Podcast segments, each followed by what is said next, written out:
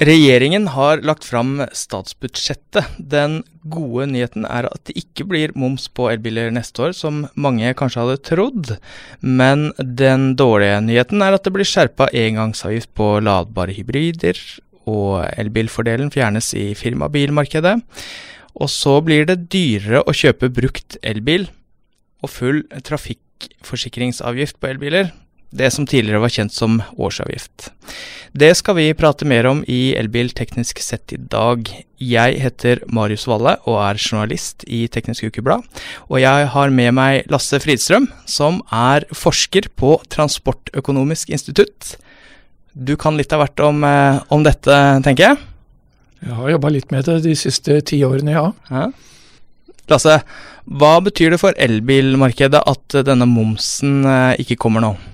Det betyr vel ikke all verden. Vi snakker jo om toppmomsen, som de kaller det. ikke sant? Moms på prisen over 600 000 kroner. Under Arendalsuka nå i sommer så var både Senterpartiet og Arbeiderpartiet nokså tydelige på at dette ikke kom i 2022, mm.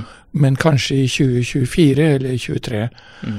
Og det er jo slik at bilbransjen vil trenge litt tid til å omstille seg her, så det er rimelig at uh, man venter litt med det, tenker jeg. Mm, så de som har fulgt med, har uh, Har visst det. Har visst det. Ja. Hva med de andre, andre komponentene her, da? F.eks. Uh, nå blir det full trafikkforsikringsavgift på, på elbiler. Hva, hva, vil det bety? Det betyr jo at det blir litt mindre gunstig å, å eie en elbil. Eh, den trafikkforsikringsavgiften kan oversettes til en karbonpris på ca. 400 kroner per tonn. Mm. Og den blir da borte. Så det blir ikke lenger fullt så gunstig å kjøpe elbil kontra bensinbil. Mm. Det må du forklare litt nærmere dette med når du sier at det kan oversettes til hva sa du, 400 430 kroner har jeg regnet ut at eh, det svarer til i karbonpris.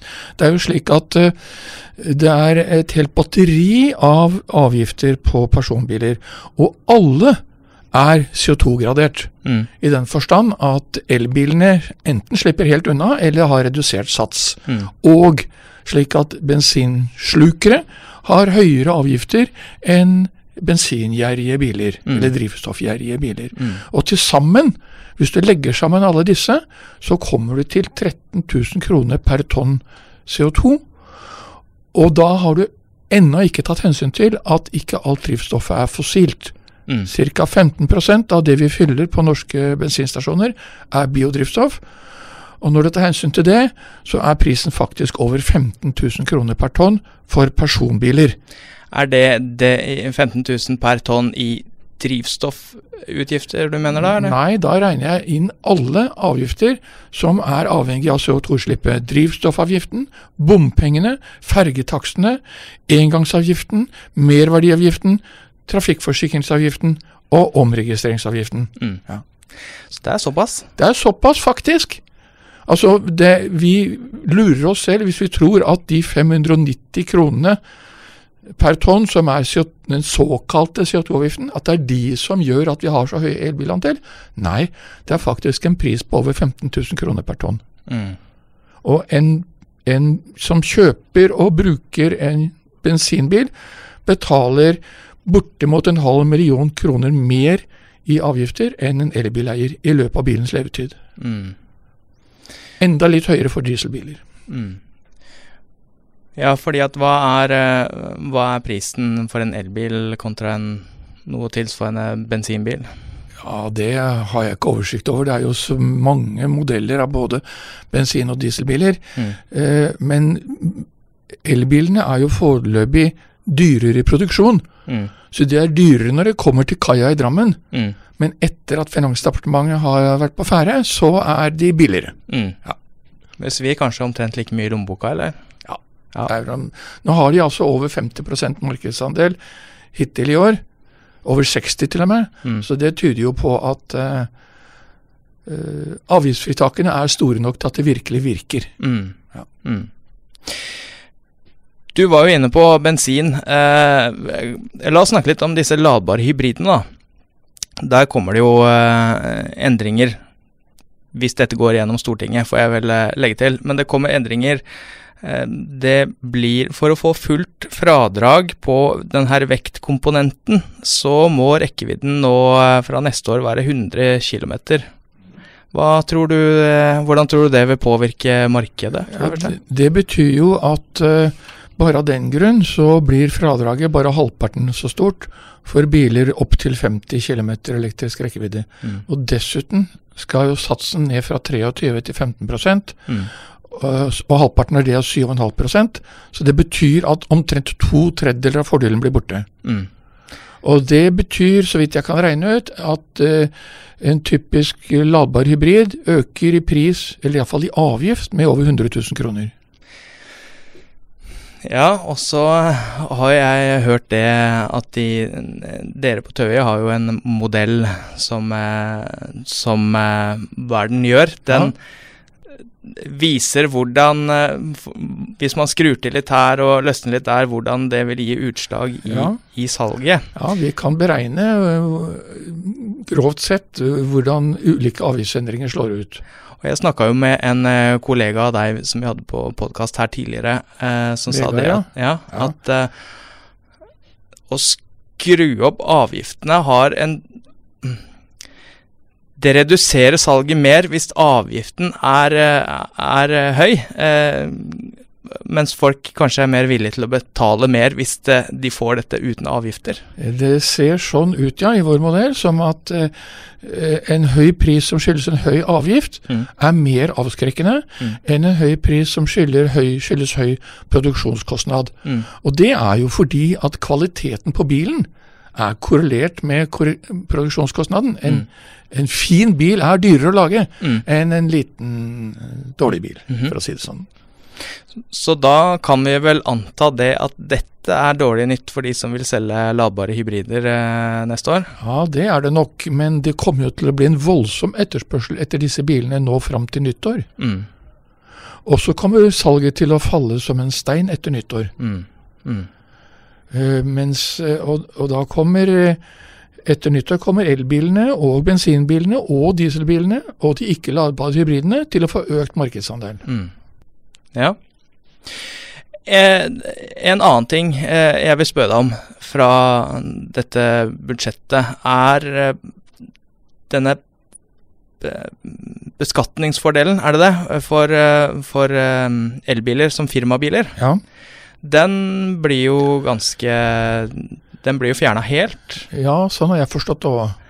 Jeg har registrert at i hvert fall Elbilforeningen eh, ikke er så veldig glad for det. Nei. Hva tenker du om, om den endringen? Så det er vel slik i utgangspunktet at eh, der elbilandelen er lavere for firmabiler enn for privatkjøpte biler. Så den blir jo kanskje ikke høyere?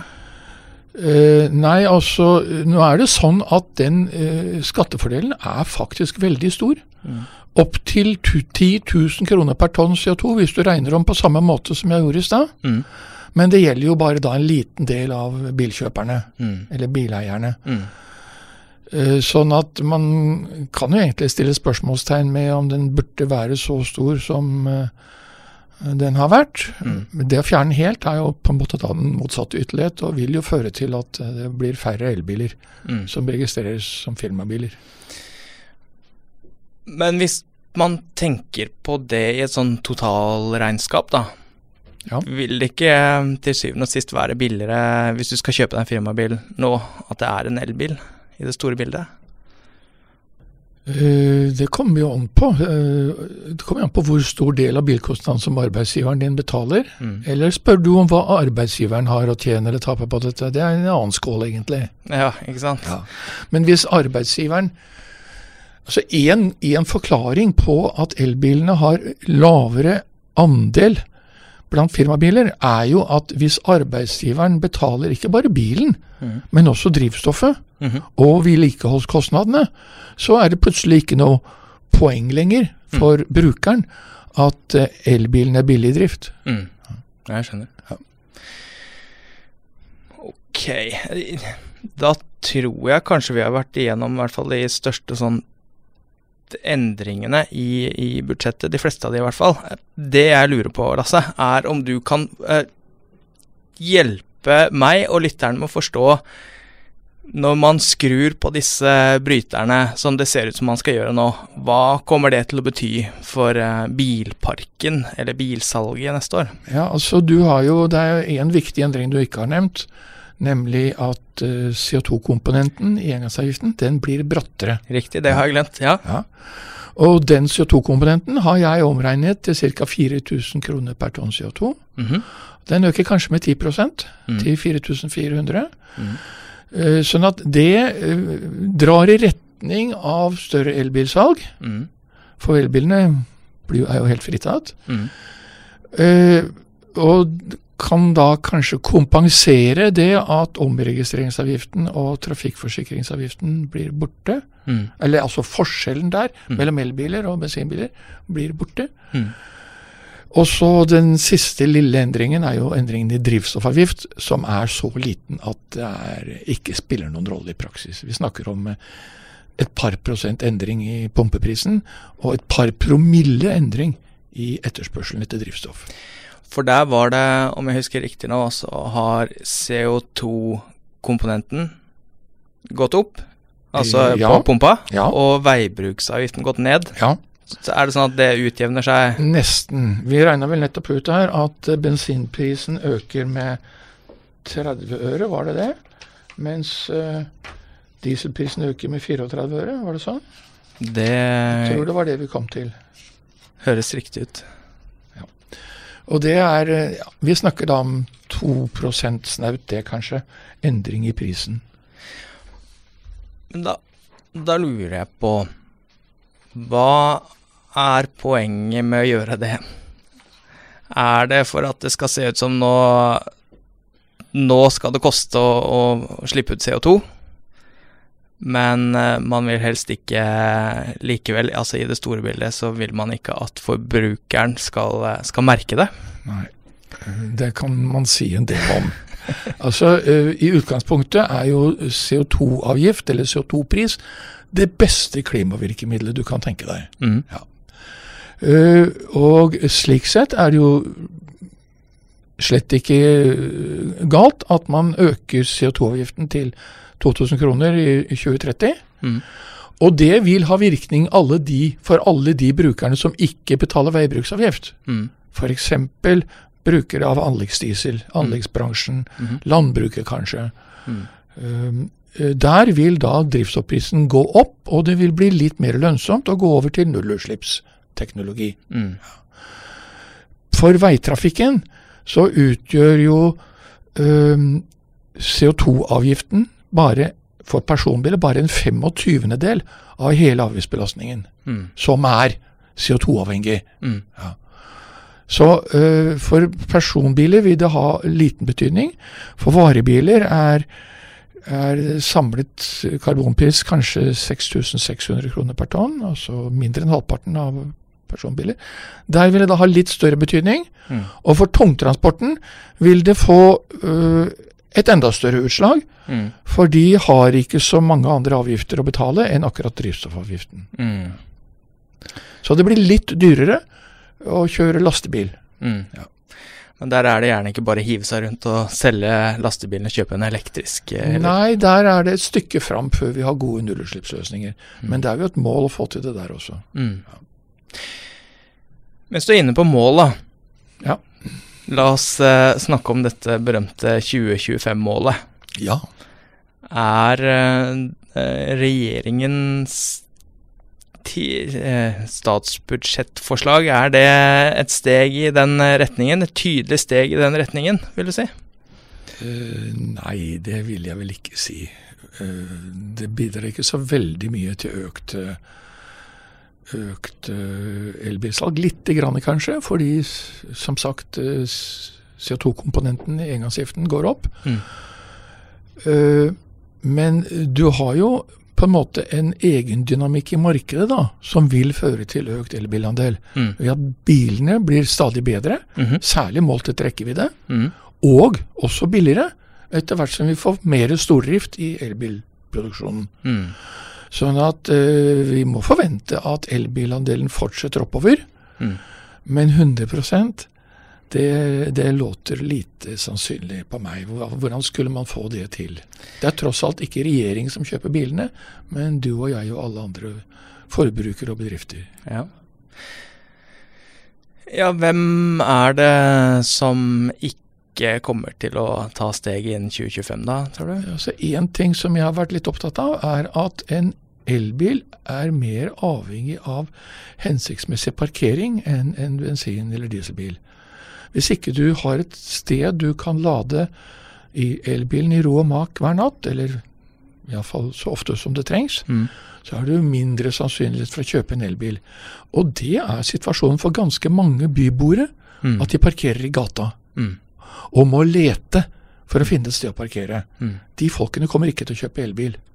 Eller iallfall en mye mindre andel av dem kommer til å kjøpe elbil. Så jeg tror at elbilandelen om noen år kommer til å være høyere på bygda enn i byen. Mm. La meg spore litt der akkurat eh, på det du sier nå. Ja. Eh, tror du ikke at, at, hvis man bor i byen, tror du ikke det får veldig mange, kanskje til og med de fleste, vil være like greit å bare abonnere, ha en sånn bildeltjeneste og sånne ting? At, at, den gruppa kan komme inn den veien? Ja. Det, det, vi kommer til å få mer bildeling. Ikke fordi folk syns det er så gildt, mm. men fordi det for det første er, litt, er billigere enn å ha egen bil. Mm. Og for det andre, det løser parkeringsproblemet for deg. Mm. Ja. Du må ikke kunne parkere ved boligen.